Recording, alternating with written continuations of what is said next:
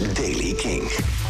Vandaag eh, komen we vanuit het zuidenperiode met zon en is het ook droog. In het noorden begint de dag bewolkt. In de loop van de middag is er vanuit het westen toenemende bewolking. Eind van de middag kan er in het uiterste westen en noordwesten ook wat regen vallen. Het wordt zo'n 10 graden. Nieuws over Radiohead, Jack White en nieuwe muziek van Korn. Dit is de Daily King van vrijdag 12 november. Michiel Veenstra.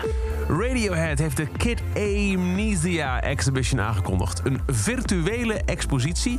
Eh, eigenlijk was het bedoeld om een echte expositie op poten te zetten. Maar eh, dat ze er eerst achter kwamen dat het lastig was met alle plannen die ze hadden... om het daadwerkelijk fysiek voor elkaar te krijgen.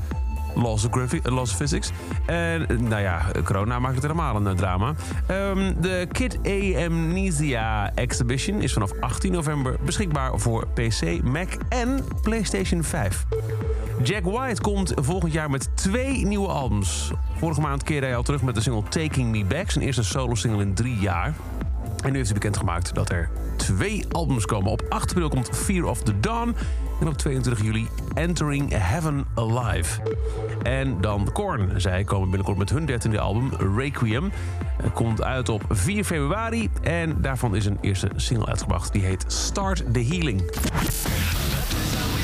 Fighting its way back in. But there's always something pushing me to give in. Do you really wanna make believe and try to achieve a little break from the anger?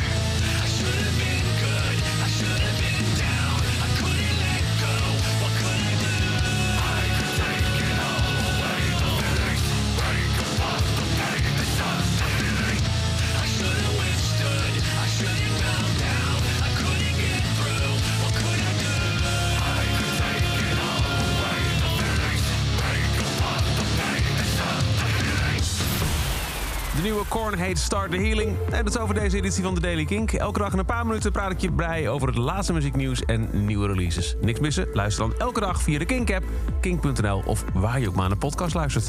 Elke dag het laatste muzieknieuws en de belangrijkste releases in de Daily King. Check hem op king.nl of vraag om